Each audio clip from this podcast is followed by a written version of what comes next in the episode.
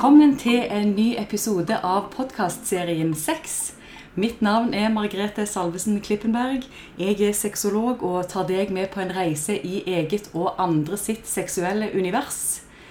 Hver gang jeg har denne introen, så pleier det alltid å være ei dame som sitter på andre sida av introduksjonen min. Så jeg pleier alltid å komme med masse sånne deskriptive, gode adjektiver.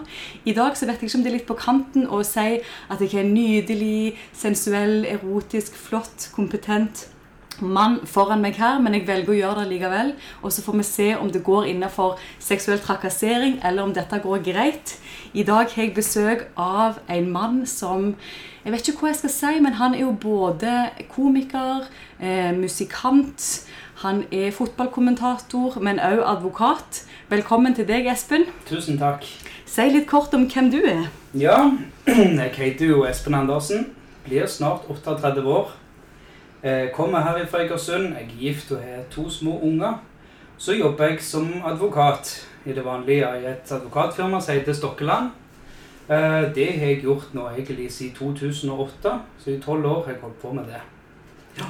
Tolv år i advokatbransjen. 12 år i advokatbransjen. Hva var det som gjorde at du våkna opp en dag og tenkte advokat, ja, det vil jeg bli?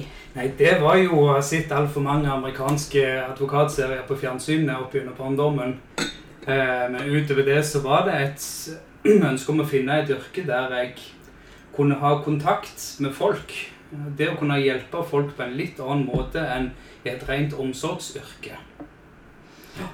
Og det er jo Jobben som advokat er jo òg en kjempeviktig jobb. En kjempeviktig samfunnsoppgave, faktisk. Den Mhm. stillingen som du har der. Ja, Og i tillegg så treffer jeg deg jo i alle mulige slags anledninger der du spiller piano, blant annet. ja.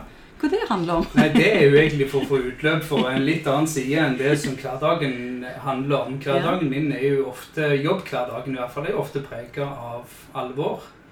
Uh, veldig lite moro egentlig å jobbe på et advokatkontor. Det er det. Så eh, det å få utløp for en litt kunstneriske side. Det å kunne stå og by på seg sjøl på en litt annen måte. Og så ser jeg jo at du skal være med nå på et av disse showene til, til Jonas, annet. Ja, hva, hva er din rolle der? Nei, der ble jeg jo hyrt med for første gang i fjor, eh, sammen med Jonas Hovland, min tidligere klassekamerat Mhm. på barneskolen. Og så er det jo da Anne-Katrin Svarnes, eh, som jo bor i England, men kommer hjem og spiller disse sommershowene som de har gjort tidligere. Så fikk jeg en forespørsel i fjor om jeg kunne tenke meg å være med og bidra der, først og fremst eh, på den musikalske fronten. Mm. Og så fant jeg ut at kanskje vi kunne skutte han der fram til noe annet òg.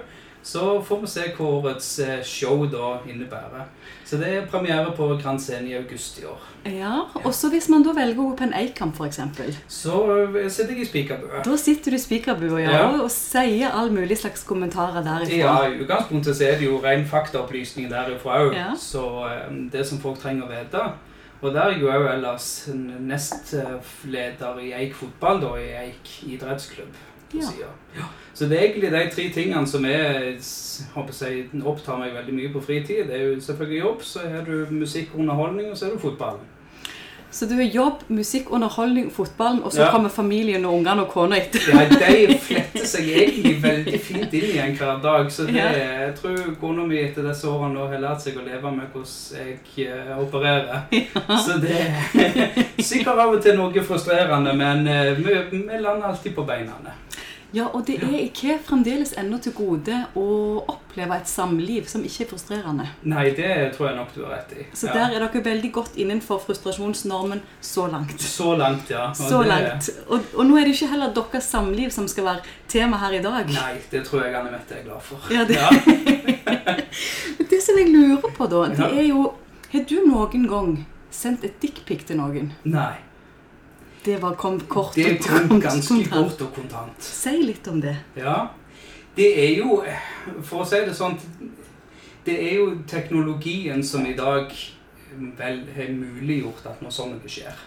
Er det var vel ikke like aktuelt å ta et dickpic, gå ned og sitte og vente på at den skulle bli framkalt nede på fotohuset, for så å postlegge den i en konvolutt til noen som du egentlig mer eller mindre setter pris på.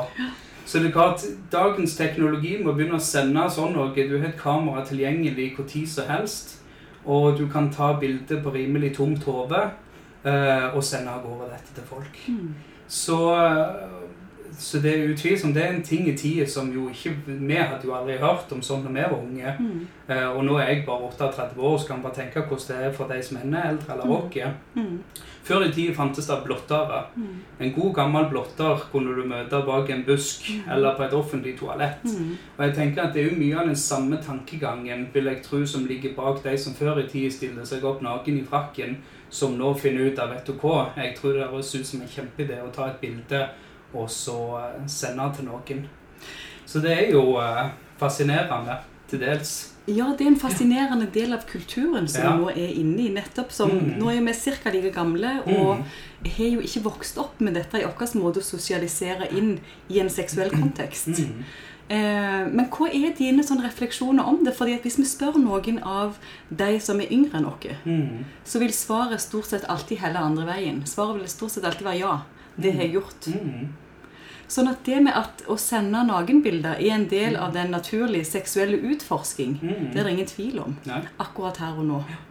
Og akkurat det er jo en litt sånn fascinerende ting, for hvis du da ser på generelle offentlige statistikker som også blir tatt opp, så oppgjør egentlig ungdommer generelt, så er det ikke så veldig mange som egentlig sier at jeg har sendt nakenbilder. Eh, av et utvalg som jeg ikke vet, men der var det ca. 13% av ungdommer som sa at de hadde gjort det. Eh, og sendt rundt forbi. Men så var det betydelig mange flere som sier de mottok det. Mm. Da er vi ca. på ca. 50% av de Mm. spurte i en kategori. Mm. Eh, Så det vil jo jeg tenke at det er veldig mange som da ikke vil innrømme at de faktisk har gjort det. Mm. Men blant ungdommer i dag så opplever vi jo det at det er jo veldig vanlig. Mm. Og det som egentlig er det mest skremmende med det, det er jo alderen på det.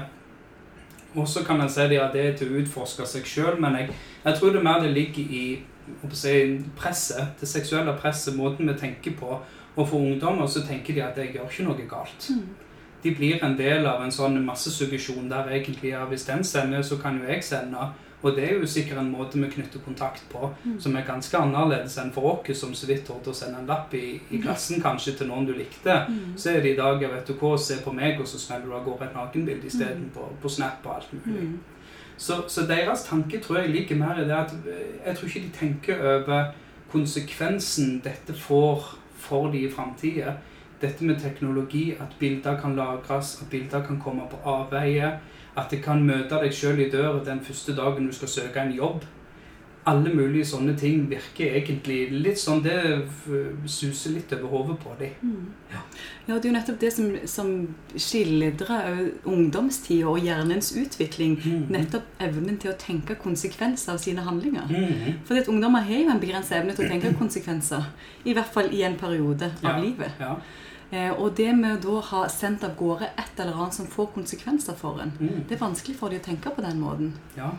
Men hvis vi skal snakke litt om lovligheten av det, Mhm. altså er det lov å sende nakenbilder til hverandre? Er du under 18 år, så er i utgangspunktet svaret på det nei. I henhold til straffeloven så er det til å ta bilder, oppbevare bilder, motta bilder av andre, er ikke lovlig. Eh, og så kommer du egentlig litt mer i disse definisjonsspørsmålene egentlig der eksempel, har du et kjærestepar på 16 år som finner ut det at jeg har lyst til å sende et nakenbilde til kjæresten min, så er det jo ofte ikke sånn at en blir jo som ikke straffa for det. Mm. Eh, Det har noe med noe annet eh, som heter jevnbyrdighet i alder og utvikling og straffbarheten av dette. Så har du jo den generelle straffealderen i Norge, som jo er 15 år. Mm. Eh, som jo, Vi opplever jo det at vi har jo unger ned i, ned i 12-årsalderen som holder på med dette og Mm. tar nakenbilder av seg sjøl. Mm. Men svaret på utgangspunktet er du under 18, så er det ikke lovlig. Mm. Og hvis man da er over 18, sånn som Mm. i, i min situasjon f.eks., når jeg Ja. da kom ut som sexolog Mm. Jeg tror ikke jeg har fått så mange peniser i min innboks før Nei, som akkurat ikke. den første fasen der. Ja. Er det lov? Nei. Nei? Det er jo heller, altså Da er du inne egentlig på de lovene som samhandler med blotting. Mm. Altså det å motta, eller det å sende et bilde til noen som ikke ønsker å motta det, er heller ikke lovlig. Mm.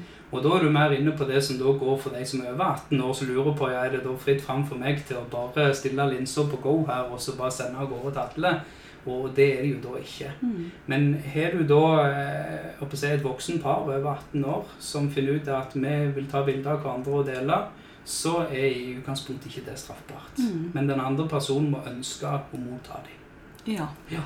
Så det handler om at den andre personen må ønske å motta det som du da skal sende. Helt riktig. Ok, Så det er der, det er der loven på en måte definerer. Ja. Det med å eh, altså, I min jobb så er det jo sånn at det er mange som blir utsatt for det som, som går innenfor hevnspekteret. Mhm. At en videresender bilder kanskje som er tatt i beste intensjon, med samtykke. Er det lov å videreformidle bilder av andre i etterkant som du har hatt samtykke til å ta og oppbevare? Nei. Nei? Det er det heller ikke. Da er du mer over i Det finnes egentlig veldig lite rettspraksis på dette. Høyesterett behandla for noen par år tilbake det som, som i vår verden da blir omhandla som Snapchat-dommen. Mm. Som da gikk mer på personer òg som, eh, som lasta ned bilder av andre ifra kontoer rundt forbi. Fikk tilgang til store mengder materiale av, eh, av andre jenter og andre damer, og spredde dette her videre. Men så har du òg de som da er inne på selve dette hevnmotivet. Og typisk er det der at det lastes opp på eh, ja, egentlig enten på rene pornosider, eh, at det blir brukt der. Eller at det deles på andre typer Jeg vet ikke hva de heter for lenger nå. Nakenprat og deiligst.no, hva de heter for noe i min tid i hvert fall. Så, så er jo det Det er heller ikke lov. Det er jo rett og slett det som går på krenking av privatlivets fred. Så da er du ikke inne i egentlig rene de seksuallivsbestemmelsene. Og, og, men da er du på, rett og slett på å gjøre noe mot andre som den andre ikke ønsker. Du, du krenker en persons Mm. eh, integritet, nærmest. Mm. Ja, og Mm. den private sfæren deres. Mm. Ja. For dette er jo et spørsmål Jeg tror dere kommer til å se mye flere saker framover som er knytta mot denne problematikken. Mm -hmm. Og én ting er jo det lovmessige og juridiske i det. En Mhm. annen ting er jo det etiske og Mhm. hvordan man bør leve i forhold til hverandre. Mhm. Hva er dine tanker om det?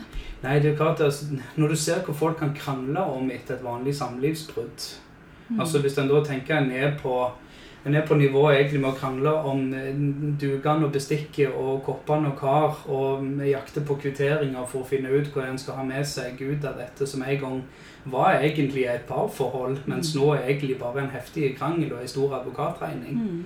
Eh, Så det er klart, jeg blir jo ikke sjokkert av menneskeheten lenger. Mm. Eh, Så det at noen finner ut at dette er en ypperlig måte å få et stikk i sida på den andre, og tenker det at jeg sitter på 20 nakenbilder for den som jeg tok den kvelden som jeg hadde vært ute på byen og fant ut at nå skal vi ha noe festlig, Mm. eh, det er plutselig ikke så festlig lenger. Mm. Og, og eh, som sagt, altså Vi har ikke sett det store rennet av disse sakene ennå. Det har vi ikke, og det fins veldig begrensa med rettspraksis på det. Mm. Eh, Men vi opplever egentlig mer det der med ren, ren fildeling, rett og slett. Store kvanta, det som deles rundt av bilder som ikke overhodet skulle vært tatt. Mm. Ja. Mm. Det er veldig interessant å høre deg snakke om det. Og det Mm. med når mennesker går ifra hverandre, hvor desperate man kan bli. Mm. Jeg husker jo selv, jeg har jo vært gjennom et brudd med en, en mann som jeg var veldig glad i. Og vårt utgangspunkt var jo at den dagen jeg flytta ut, så gikk vi sammen på Rema og fulgte opp handlekorga mi, siden han hadde så mye mat i kjøleskapet og vaskeartikler og alt mulig som jeg ikke Mm. hadde. Så jeg må fylte opp den handlekorga mi sammen, Ja. sånn at jeg skulle ha det samme hjemme som det han hadde. ja. Så det var liksom vårt utgangspunkt. Det er jo litt annerledes enn de Ja. som starter egentlig i en bratt oppoverbakke. Som Mm. rett og slett starter samlivsbruddet sitt i en båndløs konflikt som du egentlig ikke ser enden på i det hele tatt. Og Mm. tanken om hvordan i all verden skal vi egentlig finne en eh, Hvordan skal en klare å finne en felles plattform der vi kan diskutere på voksent vis? Mm. Opplever en ofte i, i skilsmisse og samlivsbrudd. Mm. At det er vanskelig egentlig å prøve å, å ta ned partene på et edruelig nivå når de kommer inn på kontoret til deg første gangen, for de er gjerne så mye aggresjon i seg at du vet nesten ikke hvor du skal begynne. Du kan iallfall ikke begynne å diskutere lover og regler før du er klar til å få landa de på et nivå der de faktisk kan diskutere fornuftig med deg. Mm. Og så, Det er jo den parten du gjerne sjøl har. Og så skal du begynne å forhandle deg til, sammen med noen som er like sinte på andre sida. Mm. Så da er det ikke alltid det er så veldig mye med lover og regler og sånt. at Da blir du jo rett og slett mer psykolog og Mm. sosialarbeider enn det du blir advokat. altså. Ja, for dere er jo, dere er jo samlivsterapeuter, dere er jo ja. omsorgsarbeidere, Ja. dere er jo ambulansearbeidere, dere er jo alt i ett. Full pakke. Ja. Ja. Hvordan er det?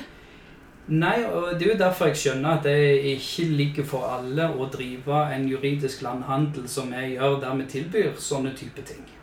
Jeg skjønner de som egentlig heller flykter inn i forretningshusens verden, der du forholder deg beint fram til jeg håper si, hvitt eller svart. Mm.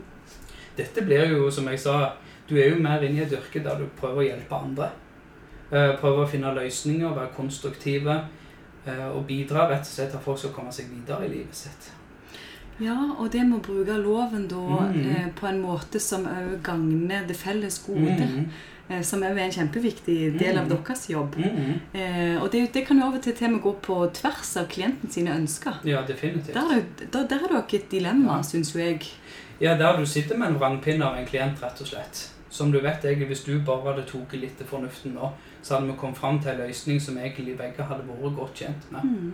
Men, eh, men av og til du må forholde deg til klienten sitt ønske. Du prøver å veilede så langt det lar seg gjøre. Mm. Og går ikke det, vel, så er det jo utgangspunktet loven vi forholder oss til når alt kommer til alt. Mm. Så har vedkommende rett, så er vedkommende rett. Mm. Selv om ikke alltid det som er rett ifølge loven, er den beste løsningen samlivsmessig i framtida. Så har du momentet da gjerne der det er unger involvert i dette. Mm. Samlivsbrudd der du har to voksne parter som ikke har barn i sammen, det tenker jeg at det, det er så som så. Det går utover de to voksne og gjerne noe familie rundt i den perioden der det stormer. Men har du barn involvert i det i tillegg, så får du inn et helt nytt aspekt. Mm. Uh, og tanken der med at du ikke skal blande si, penger og unger i en konflikt, det er det ikke alle som helt forstår. Mm. Ja. Ja, så er det ikke heller alle som heller forstår rollen da med at ungene alltid må komme først. Nei. Så det er mange som da Mhm. ikke velger det. Men litt tilbake til det med, med seksualiteten. For Mhm. hvis du da hadde vært lærer på ungdomsskolen og vært ansvarlig for seksualundervisningen, Mm. hva råd ville du ha gitt til dagens unge i forhold til det vi snakket om i stad? Ja. Det er jo egentlig det som er det store. Altså, det er jo opplysning. Altså, folk eh, Ungdommen må forstå og prøve å lære dem så godt det er mulig å forstå konsekvenser. Det klart Seksualundervisning for oss når når vi gikk på barne- og ungdomsskolen, var stort sett at vi ble veldig flinke til å vakuumpakke agurk. For det var rett og slett å tre kondomer på agurker. Eh, og det var det egentlig seksualundervisningen bestod i. Eh, å, være, eh, å ha seksualundervisning i dag må være, det må være et mareritt. Rett og slett. Og det er jo noe av det gøyeste jeg vet. Ja, ikke sant? vel? For diskusjonene er nok helt fantastiske. Eh, Ja. Men det er klart, sitt i frokost ståsted, det, mm, som jeg sier, det å få de til å skjønne hvor, hvor grensene går, hvor intimgrensen egentlig til den enkelte går, hvor intimgrensen til andre går. Selv om du ikke forstår helt dine egne, så ha respekt for andre sine. Mm. Uh, og ikke minst det å lære de uh, konsekvensen av det at dette svever ute i den store internettet Mm. Eh, og kan finnes igjen nesten hvor tid som helst. Det, eh, men ser gjerne eh, si, Det å ta en snap som blir videresendt Og vi tenker jo på en snap som en litt sånn flyktige ting. Altså Det er et bilde som forsvinner etter noen sekunder i det Mm. du sitter. Men det er bare ett screenshot, det. Og så er det ti klikk, og så blir det til 100 klikk videre. Og plutselig så sitter halve byen med, med det bildet, som Mm. bare egentlig kanskje var ment for den vennen eller venninna du hadde, eller kjæresten du hadde. Mm. Så det er jo eh, Og vi vet at det sprer seg blant ungdommene. Det gjør det. Det sprer seg som ild i tørt gress. Mm. Ja. Mm. Så eh, jeg tror egentlig bare det at informasjon, informasjon, informasjon forteller de at i henhold til lov. Ofte er det sånn når du snakker med unger, truer de nesten med politi, altså. Gjør dere dette, så kommer politiet og tar dere. Det funker med de helt minste ungene, men ikke helt med de største. Mm. Så, eh, og der ser en jo, der sitter jo veldig mange Det er jo et større fokus på det fra lovgiver, fra politiets side og alt. Det å sitte og overvåke nettet. Mm. Det å sitte og ha kontroll over hva som blir sendt rundt forbi. Og, og så er det det at ungdommen i dag òg trenger å få vite at politiet finner ut og vet mer om oss nærmest enn det vi tror. Mm. Lastes der opp eh, Jeg har opplevd saker knytta til bildedeling, så kommer meldingene fra Amerika. Og Der borte sitter det et senter og overvåker opplasting og nedlasting av bilder rundt på typisk findelingsside Mm. Og finner de et bilde som stammer fra en IP-adresse i Norge, så går meldingen til Kripos i Norge med en gang. Mm. Og selv om det er ingen i Norge som vet om hva du holder på med, så sitter de ute i verden og følger med på Mm. oss. Og det er min erfaring òg. Politiet vet alltid Mm. mye mer enn det vi tror. Ja. Eh, og så vil jo da politiet da kunne bruke den informasjonen på et senere tidspunkt. Ja. Eh, Men det, det som er alltid er et spørsmål som jeg får av ungdommer når jeg er ute og holder foredrag, det Mm. er hva betyr samtykke? For de hører dette ordet samtykke Mm. overalt. Hva Mm. legger du inn i det ordet samtykke? Et samtykke legger jeg at du har fått ehm, At du faktisk har fått en aksept for noe. Det at noen ikke sier noen verdens ting til deg, er ikke i utgangspunktet et samtykke. Mm. Men der er du inne i det som egentlig fort blir det som vi snakker om gråsonene egentlig oppi dette her. Når har du trådt over ei grense? Når var vedkommende med på dette? Mm. For hvis du da ser i forhold til gjerne en, en diskusjon opp imot det som går på en voldtekt å gjøre, som er ofte der du får hva er et samtykke for noe og ikke, Mm. så skal du i utgangspunktet være utsatt noen for vold eller en fysisk handling, altså en truende handling, eh, for å få den seksuelle handlingen.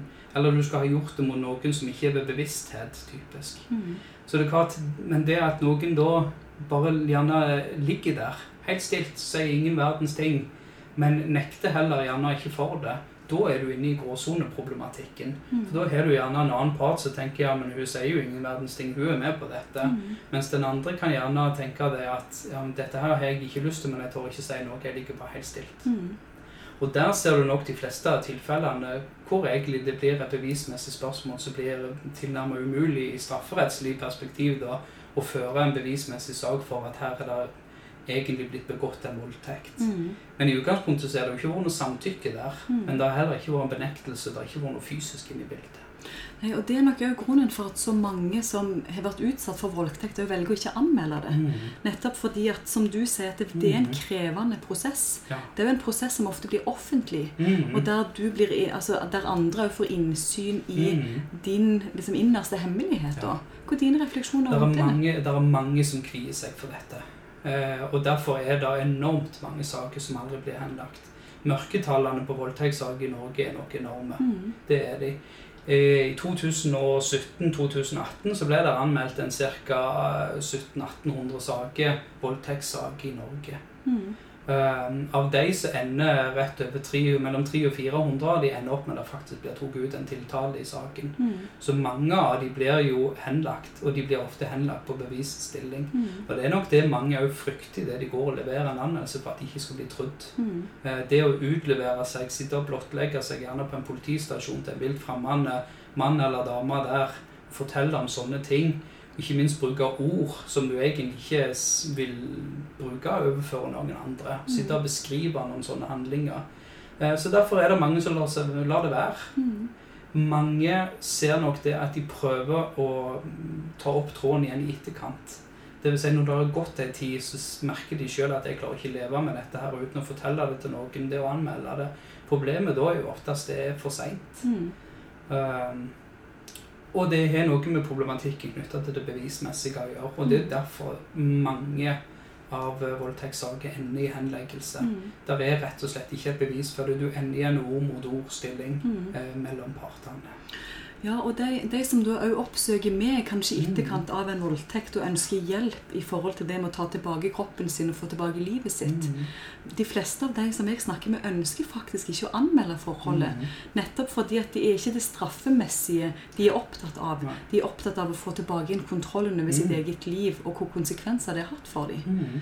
Og der blir det alltid et sånt dilemma. For hva er din anbefaling der? Syns du alltid at en voldtektssak skal anmeldes? Eller er det òg en sånn gråsonetematikk for deg?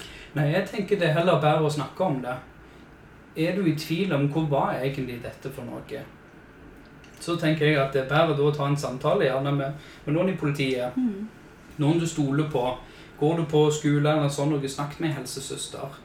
Eh, men det er klart, nok en gang, det må ikke gå for lang tid med dette. Hvis din tanke var at du egentlig har lyst til å gjøre noe med det i strafferettslig perspektiv. Det er Mm. klart, Søker du bare en oppreisning for deg sjøl i den forstand at det er ikke så nøye med den andre parten, men jeg vil bare komme meg videre i livet, så det er klart, da tenker jeg altså alltid snakk om det, ikke gå og brenn inne med dette. Mm. Vi ser altfor mange som slites av dette her etter så mange år, og så kommer det Og det kan komme igjen etter 20 år, etter Mm. 30 år, etter 40 år. Mm. Plutselig så er det sånn at folk husker ting fra barndommen. Mm. Og de kommer og oppsøker oss og spør hva kan jeg gjøre med dette. Mm. Og da er det jo bare å beklage og si vet du hvor strafferettslig så er det ingenting vi kan gjøre. Men jeg anbefaler deg å gå og få tak i på noen å snakke med. Mm. Ja. For hva er det som er foreldelsesfristende på disse type sakene? Nei, altså, en sånn type sak som det foreldes ikke så fort. Mm. Eh, da snakker vi i utgangspunktet flere tiår egentlig for å få Men hva bevismessig for Mm. dette her det er klart, Ofte vil en I vår verden så snakker om Har du ikke vært inne til en undersøkelse nærmest innen 48 til 72 timer, så klart da har du et provis, um, problem med å finne kroppslig bevis. Mm. Det vil si at du finner rester av sæd, Mm. kroppsvæske, Mm. den type ting som det. Så er det jo ofte det at etter en sånn en ting så opplever du at folk våkner gjerne og husker ingen verdens ting. Mm. Det er jo det største dilemmaet bak dette her. Mm. Ca. 45% av alle voldtekter skjer i forbindelse med rus og fyll. Eh, og det er klart de fleste episodene da husker folk ingen verdens ting av. Eh, så går klærne i vaskemaskinen. Du går i dusjen etterpå. Uh, sengetøyet går i vaskemaskinen. Mm. Og ergo har du endt opp med at det finnes ikke et teknisk spor igjen egentlig for politiet å sikre. Mm. Uh, og du ender opp da med en ord Var dere da alene etter det nachspielet, så ender du opp med en ren ord mot ord-diskusjon. Mm. Så klart, Men det er ufattelig mange som opplever dette her. Det er ca. 10 eller eh, ca. 9-10% av alle kvinner mener på at, eh, mener på at de har vært utsatt for en voldtekt. Mm. Men ser du, da, ser du på menn, så er du nede på 1 Mm. av alle menn. Og det er veldig interessant. Mm. For hva handler det om? Hva er dine refleksjoner rundt det? Mhm. Nei, det er jo eh, ene og alene vil jeg si at det er et styrkeforhold. Mm. Det er der det ligger. Uh, og det er klart, Jeg tror vi er så bare i at alle, av alle anmeldte voldtekter, så tror jeg 98% av de er anmeldt altså er menn. Mm. Og de er overrepresentert i aldersgruppa 30 år og yngre. Mm. Eh, så du vil oppleve egentlig veldig få menn som blir utsatt for en voldtekt av ei dame. Mm. Og det er egentlig litt med jeg håper å si, fra sexologiens verden. altså, Det må jo noe til for å gjennomføre et samleie oftest. Mm. Mm. Og det er klart, ved tvang sånn som det, så er det ikke ofte at damer får den helt store gleden av eh, når det ikke finnes en ereksjon eller noen ting å arbeide med. Mm. Ja. Mm. Sånn at fra naturens side så er vi lagt i et styrkeforhold, som du sier, som Ja. gir seg konsekvenser på den måten med at kvinnens seksualitet Ja. den blir gjenstand for vold. Mm. Og det har hun gjort i, til alle tider, gjennom alle kulturer, ja, gjennom hele historien. Ehm, og det er fremdeles gjenstand for vold den dag i dag, nettopp Mm. som du sier, med voldtekt og Mm. seksuelle overgrep og trakassering. Ja. Eh, Men i din erfaring, hva er det som er konsekvensene for de damene som du kjenner som har vært Mm. utsatt for voldtekt? Hvilke reaksjoner får de på dette? Si, mange av de viser jo en stor grad av skyldfølelse. Mm. De føler sjøl en skyld for det som har skjedd. Um, og tenker at det var min feil. Jeg eh, bøy på meg sjøl den kvelden. Jeg fikk utgangspunktet bare som fortjent. Eller det vil si, han oppfatta kanskje ikke signalene fra meg, eh, og sånne type ting som det. Um, men samtidig, de sliter gjerne med det å klare å forholde seg til nye partnere i livet i etterkant. Mm. De sliter med helt normale ting som søvn, eh, problemer knytta til sin si, mat, det er spisevegringer, symptomer knytta til det. Rett og slett rene psykiske eh, ting som vi egentlig vil kan spore tilbake igjen til det vi vil tenke er helt andre ting, og så ligger det rett og slett der og gnager. Og det ser du spesielt for de som har vært utsatt for gjerne overgrep i ung alder. Mm. Ja. Mm. Ja, og det, måten det gjenspeiler seg på i den enkelte personlighet, handler jo ofte om at den grunnleggende tryggheten har blitt brutt. Mm. Og når den grunnleggende tryggheten blir brutt, så Mm. får det noen konsekvenser for hvordan vi utvikler oss videre, og hvordan vi forholder oss til virkeligheten rundt dere, rett og Mm. slett. Eh, og det er veldig, veldig store og alvorlige konsekvenser dette får for mennesker sine liv. Mhm. Det, ikke minst det at de sliter med å forholde seg til andre mennesker. De har store problemer med å stole på andre mennesker. De føler seg svikta. Eh, gjerne kan det være av tillitspersoner rundt dem. Ofte ser en det de som er blitt utsatt for eh, overgrep gjerne fra nær familie, slekt. Eh, de som ellers har vært i en form for avhengighetsforhold eller tillitsforhold, som da ofte er Klassiske eksempel er jo idrettstreneren, eh, speiderlederen Mm. eh, innenfor eh, si, religiøse menighet, en Mm. type ting som det. Mm. Folk som du i utgangspunktet stolte på, som Mm. ikke viser seg å være den personen han egentlig er. Mm. Ja.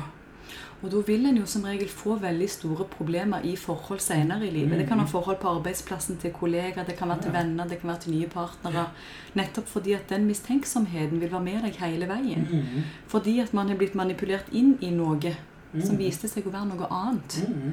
Og det rokker jo med hele måten vi tenker på. Derfor så får dette en enorme konsekvenser for enkeltindividene. Det er det. Men hva, hva type løsninger fins der altså med det strafferettslige? Men Ja. du snakket jo om, om oppreisning. Hva, hva type Mm. oppreisning er det mennesker får i sånne situasjoner? Da snakker vi jo kroner og øre. Og så kan en egentlig spørre seg hva, eh, hva, hva oppreisning er egentlig det. Det å få et pengebeløp for det som egentlig er skitt, vil det hjelpe deg videre på veien? Noen føler en trøst, egentlig, det å tenke at det er samfunnet sin måte å reagere på. Uh, utgangspunktet innenfor rettsvesenet så opereres det med standardsummer litt nå for, uh, for nærmest hvor type voldtekt og paragrafer du er innenfor. Så hva er normal voldtekt, eh, så ligger ofte et erstatningsbeløp på ca. 150 000 kroner dersom det finnes bevist. Mm. Eh, Så vil de beløpene egentlig kunne svinge fra sak til sak. De kan være høyere dersom det dreier seg om mindreårige og egentlig barn. Og så kan det egentlig bli lavere summer ut ifra omstendighetene i saken. Men, eh, men mange sier jo det òg at de føler egentlig nærmest pengene som litt skitne i det de mottar. Altså, for det var ikke dette her jeg Så eh, vi har vært borti de som nærmest har sagt vi vil ikke ha noe. Altså jeg ønsker ikke noe pengebeløp for dette. Mm. Det kan bare være. Ja. Ja. For hva er det da loven definerer? Du sier at loven definerer det litt annerledes. Hva er Mm. loven sier om akkurat dette? Hva da tenker du på? Hva er en voldtekt? En voldtekt, altså, en voldtekt skal jo da være eh, altså, en aggressiv handling. Altså Det skal være fysisk. Du skal ha brukt makt eller trussel på å få en seksuell handling tilbake Mm. igjen. Eh, enten det, eller så er du da inne i det tilfellet der den andre personen ikke er i stand til å gi et samtykke til den seksuelle handlingen Mm. som blir utført med en. Da tenker jeg gjerne det at en er så berusa, eller så er du innenfor det som gjerne blir betegnet som sovevoldtekt. Det vil si at den andre personen sover. Mm. Uh, og så vil egentlig all seksuell omgang med barn under 14 år bli betegnet som en voldtekt. Mm. Det er uansett hvordan egentlig det foregår. Mm. Uh, og det er klart, da har du egentlig hele spennet ifra beføling av kjønnsorganer, uh, masturbering, uh, beføling av brystet. Du kan eh, si, ha rett og slett kyssing eh, på nakken i en andre intimsone. Mm. Og så har du det som da er, jeg blir betegnet som tradisjonelle samleie. Mm. Eh, og òg det å føre inn gjenstander i, jeg i endetarmsåpning eller i vagina eller sånn, eller i munn. Mm. Mm. Så der skiller loven òg på alvorlighetsgrad og det som skjer. Ja, det skiller på grovheten, ja. Rett og slett. Og hvor er det den starter hen, og hvor er det den slutter hen? Nei, han har jo sånn sett ikke noe eh, håper å si, Det fins jo en grense for hva egentlig du kan gjøre òg. Men Mm. klart når en er i gang med de fysiske gjenstandene eh, og begynner med ren makt, gjerne det som er å, å føre ting f.eks. opp i en endetarm Mm. Og så har du egentlig helt til de nedre sjiktet der du egentlig eh, tenker at da er det beføling utenpå klær. Mm. eh, Der du ikke er forbi egentlig klær engang. Mm. Så der er du helt til det nedre sjiktet. Mm. Så har du òg de som anses som grove, er gjerne der det har vært flere i fellesskap som har utøvd voldtekten. Mm. Ja. Mm. Ok, ok. Det er jo ganske sånn eh, tungt tema i dag. Ja, det er Men- ikke lystig. Nei, men det er veldig viktig fordi Mm. at det er så mange som opplever det, og som du òg sier, Mm. mørketallene er helt enorme her. Ja. Um, sånn at det med å ha en åpenhet rundt mulighetene og tankene som Mm. du òg har gjennom din erfaring Mm. med dette, er veldig viktig for andre Mm. å lytte til. Ja. Men jeg er litt sånn nysgjerrig på dine tanker rundt kjønnsperspektivet i dette. Jeg er helt sikker på at du er eh, feminist, eh, og jeg er helt sikker på at jeg er feminist. Mm -hmm. Så hva tenker du på vegne av den mannlige rase her? Hvorfor mm. er det som det er? Hvorfor brukes sex som vold på den måten? Og hva kan vi gjøre? Nei, si det. Da tror jeg nesten vi må helt tilbake igjen til menneskets opprinnelse for å finne et svar. Jeg tror vi er skrudd sammen i hjernen vår på et vis som gjør at det er en bryter som skrus på i det mannlige hodet, som tenker at dette er en god idé. Dette er en måte jeg virkelig kan vise meg på som vil ha en stor konsekvens. Eh, du føler deg eh, overordna eh, med din makt, din, din styrkeforhold, og det at du kan ta noe fra dama eh, som vedkommende ikke vil kunne klare å sette seg til motverge for. Mm. Som sagt, hvorfor det har blitt sånt, det er et veldig godt spørsmål.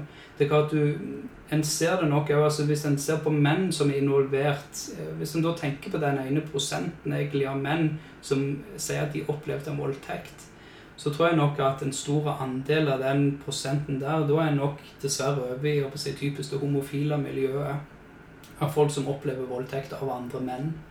Eh, jeg tror, Ser du statistikken på det motsatte, som sagt, på ei dame som har utført det, den er nok marginale. Mm. Og da tror jeg nok du ser et annet styrkeforhold, som da gjerne er typisk eldre damer som utnytter yngre gutter og menn. Mm. Ja, mer, nå, da er du med kommet tilbake til dette med tillitsforhold, et styrkeforhold. Men den eneste måten egentlig en vil kunne klare det på, er da hvis du ser det aldersmessige oppi dette her. Ja. Ja. Og det som jeg òg har vært borti, det er jo menn som har vært utsatt for overgrep av sine mødre i oppveksten. Mhm.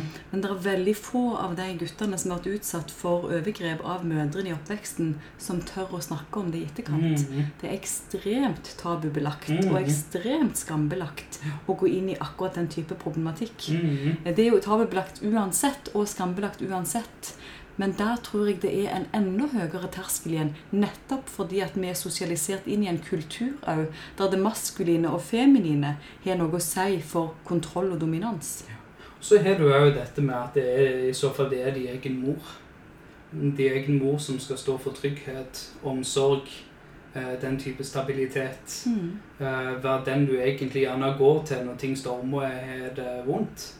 Eh, Og så opplever da gjerne folk som sier å få brudd Nok en gang, det er jo tillitsbruddet som nok er det verste oppi dette her. Mm. For jeg vil nok tro at mange ville følt det som enda mer nært å blitt utsatt for overgrep av sin egen mor enn sin egen far. Og enn hvor merkelig det høres ut. For en far kan gjerne være, oppleves ofte for mange, vil jeg tro, som en mer perifere person gjerne i livet eh, følelsesmessig enn det en har tilknytning til mor. Det er et veldig, interessant, et veldig Mm. interessant perspektiv på det. Jeg har nok aldri tenkt på det sånn sjøl.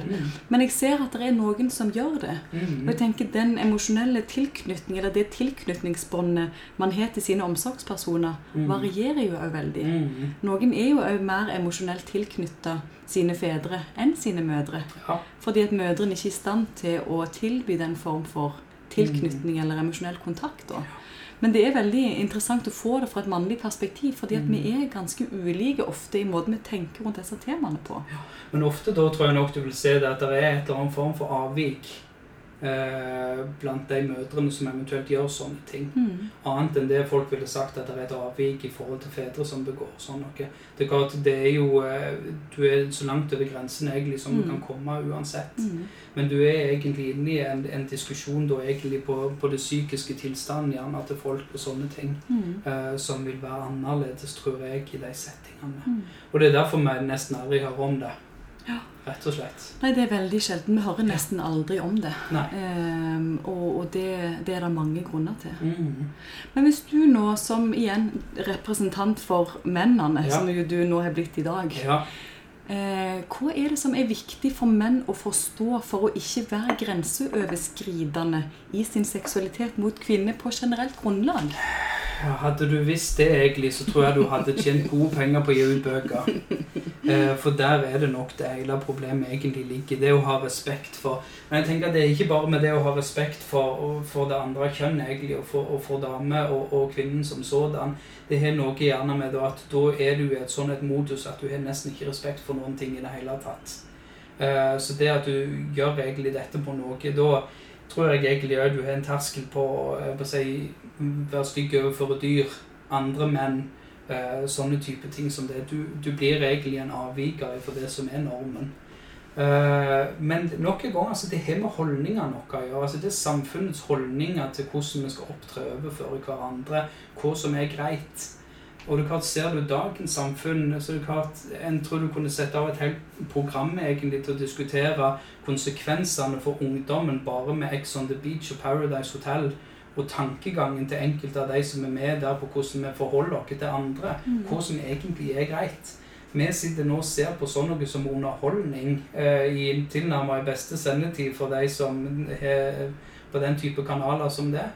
Og dette blir forbilder for veldig mange. De er festløve, det er bånn gass, det er tut og kjør, masse damer, det er flotte kropper, alt er bare perfekt. Og tenker at det er sånn ting skal være.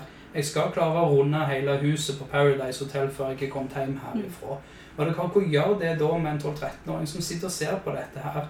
Og dere kan, vi satt og så, når vi var 12 år, så satt vi nesten og så Sesam Stasjon ennå. Mens disse sitter og ser på sånne ting egentlig. Og der ligger nok egentlig den store utfordringen med massekulturen og folk som har en påvirkningskraft på oss. De er det som egentlig, Der er jo egentlig der du må begynne. Men det er blitt nå en så stor industri at det er en, et skip som er nesten umulig å vende nå, tror jeg. Ja, Og der er vi jo tilbake igjen på hvordan skal vi lære ungene våre å sette grenser Ja, i et mylder av det som skjer utenfor hjemmet. Ja. Og det tror jeg altså, det er en formidabel oppgave for foreldrene nå til dags. Mm. Jeg tror det var enklere å tøyle oss, Mm. eh, den generasjonen som faktisk husker at internettet kom, Mm. Eh, kontra i dag, hvor eh, egentlig en tilværelse uten internett er helt utenkelig. Mm. Og ikke minst for foreldre utrolig vanskelig å kontrollere. Eh, hjemme hos oss, når, det- når internettet kom til Hellelandsgata, så var det på et 33,6 bits modem som vi kun fikk lov å bruke etter klokka var fem. Eh, av da var tellerskrittene billigere. Mm. Nå ble jeg ringt opp, og ingen kunne ringe inn til oss når vi var på internett. Mm. Og Der fikk du lov å være i toppen ti minutter, før du, og det var jo heller ingenting der inne. Kontra i dag, når du går rundt med hele verden i lommen på en mobiltelefon. Mm. Og kamera var, som vi snakket om innledningsvis, altså det var en større begrensning pga. det fysiske med at du måtte vise fram til noen andre hva det var du hadde tatt, med mindre du hadde et polaroidkamera. Mm. Og det var det ikke mange gutter i gata som hadde. Nei, Nei, heldigvis. heldigvis tror jeg egentlig, for det var egentlig litt av det samme. Men hva du gikk ikke på det tidspunktet og framkalte filmen med alt dette her. Mm. Du gjorde ikke det. Det hadde sine egne fysiske begrensninger for deg. Mm. Det var vanskeligere. Mm. Og hvordan, da, hvordan tenker du da at den respekten for kvinner som egentlig snakker om her som et Mhm. fundament Mhm. Hvordan velger du for eksempel å respektere kvinner? Du framstår jo for meg som en mann som gjør det. Jo, vi prøver. Altså, jeg, jeg velger jo sjøl å tenke at jeg er godt, opp, godt opplært Mm. eimante. Mm. For at vi skal være greie mot alle, egentlig.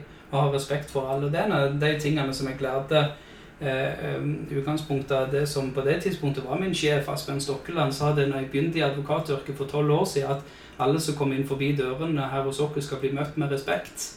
Alle skal få få lov å fortelle sin historie, og så skal vi prøve å hjelpe dem vi kan. Mm. Og det er egentlig en tanke som jeg håper jeg, ikke bare tok med meg videre i livet derifra, men tenkte at jeg, dette er fundamentalt i måten jeg syns det er greit at omverdenen er for meg. eh, Oppfører seg mot meg. Mm. Så er det til å vise respekt for andre. Det er det alt dette egentlig bunner og grunn i. Mm. Ok, du, du er jo veldig, det er veldig interessant å høre på. Jeg kunne sittet her i dagevis og bare lytta til at du formidla et eller annet fornuftig. Jo, jo. For du har den evnen til å bare liksom fange meg inn i måten du forteller på. Ja. Så det er, ikke, det er veldig fint å høre deg snakke, og det er veldig fint å høre at du er så oppriktig i det du formidler. Mm. For både så vet du hva du snakker om, men du har òg en del gode etiske betraktninger òg pakka inn i det du snakker om, ja det som jo er veldig viktig. hyggelig. Er det et eller annet du liksom sitter og kjenner at du brenner inne med nå sånn på tampen av denne episoden som du trodde jeg skulle spørre deg om, som jeg ikke har spurt deg om? Nei, det er jo egentlig ikke Altså, mitt mantra er, er du, Havner du i en situasjon hvor du føler at dette ikke er greit, du har bilder på avveie, du er blitt utsatt for handlinger, så er det oppsøk hjelp fort. Snakk med politiet. Er det ting på nettet, så er det massevis av sånne portaler du kan ta kontakt med. Slettmeg.no. Alle mulige sånne ting som kan hjelpe deg å bare få kontroll over det som er skitt.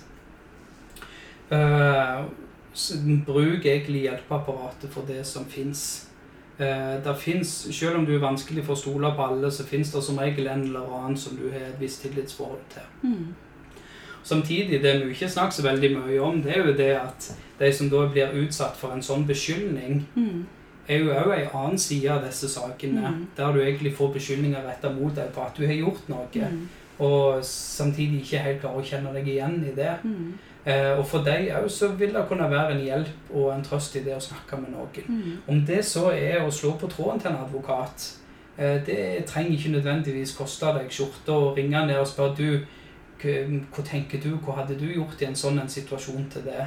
Er det noe du kan gi meg en anbefaling på? Høres, kan jeg få fortelle egentlig litt om hvordan det skjedde? Eh, hvordan ligger jeg da an i Mm. forhold til gråsoner og straffbarhet og alt mulig sånt? For Hva er ditt perspektiv på det? Det var interessant at du tok det opp. for Jeg hadde mm. tenkt jeg skulle spørre om det. Er det noe dere opplever ofte, at det er mennesker som blir beskyldt for handlinger som de ikke har gjort? Ja, det mener jo, jeg si, Hvis du spør majoriteten til å begynne med i løpet av en sak, så mener nok de fleste på det. Eh, og det er nok den iboende refleksen hos de fleste at det sitter langt inne å erkjenne noe som du vet at du gjerne har begått et lovbrudd.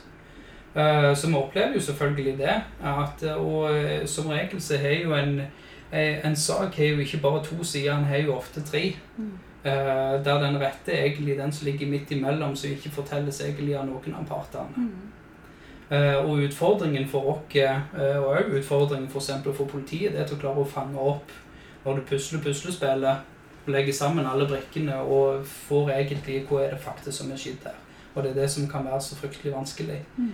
Men selvfølgelig er det det å bli beskyldt når sånn noe kan sende deg like langt ned i kjelleren som det å faktisk ha blitt utsatt for en sånn type handling. Mm. Ja, Det kan jeg forstå. Og jeg ser bare hvor vanskelig det er med disse gråsonene som vi snakker om. For Mhm. jeg har jo også hatt situasjoner i livet mitt der jeg ikke har snakket med tidligere partnere om opplevelser som vi har hatt sammen. Mhm. Der opplevelsen av det som har skjedd, har vært så fundamentalt annerledes. Ja. At det har vært veldig fascinerende å Mhm. faktisk diskutere det. Ja. Nettopp fordi at hvis jeg i en situasjon har følt meg grenseoverskredet, så vil den andre parten ikke ha noen forutsetninger for å se det på det viset.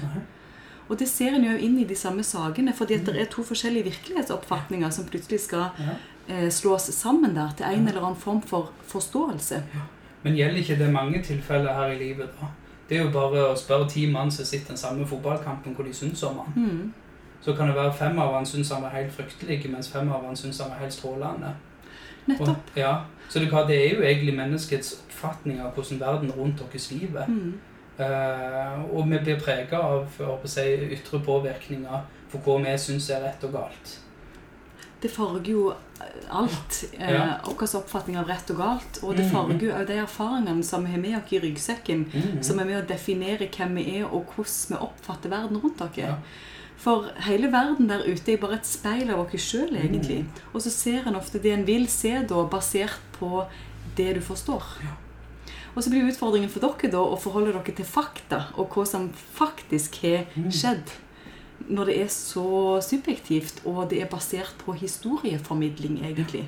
For det er det dere også egentlig gjør. Dere lager jo historier basert på det mm. dere får inn av materiale. Og det er jo det som gjør dette så spennende å Ja. holde på med i hverdagen. Ja. Da blir det noe annet enn et papir, og det er definitivt ikke noe du lærer på jusstudiet. Definitivt ikke. Så her har du på en måte hele spekteret av mennesket som sådan som dere jobber med. Mhm. Og jeg er veldig glad for at du er akkurat der. Det høres ut som at du er rett mann på rett sted. Jo, takk.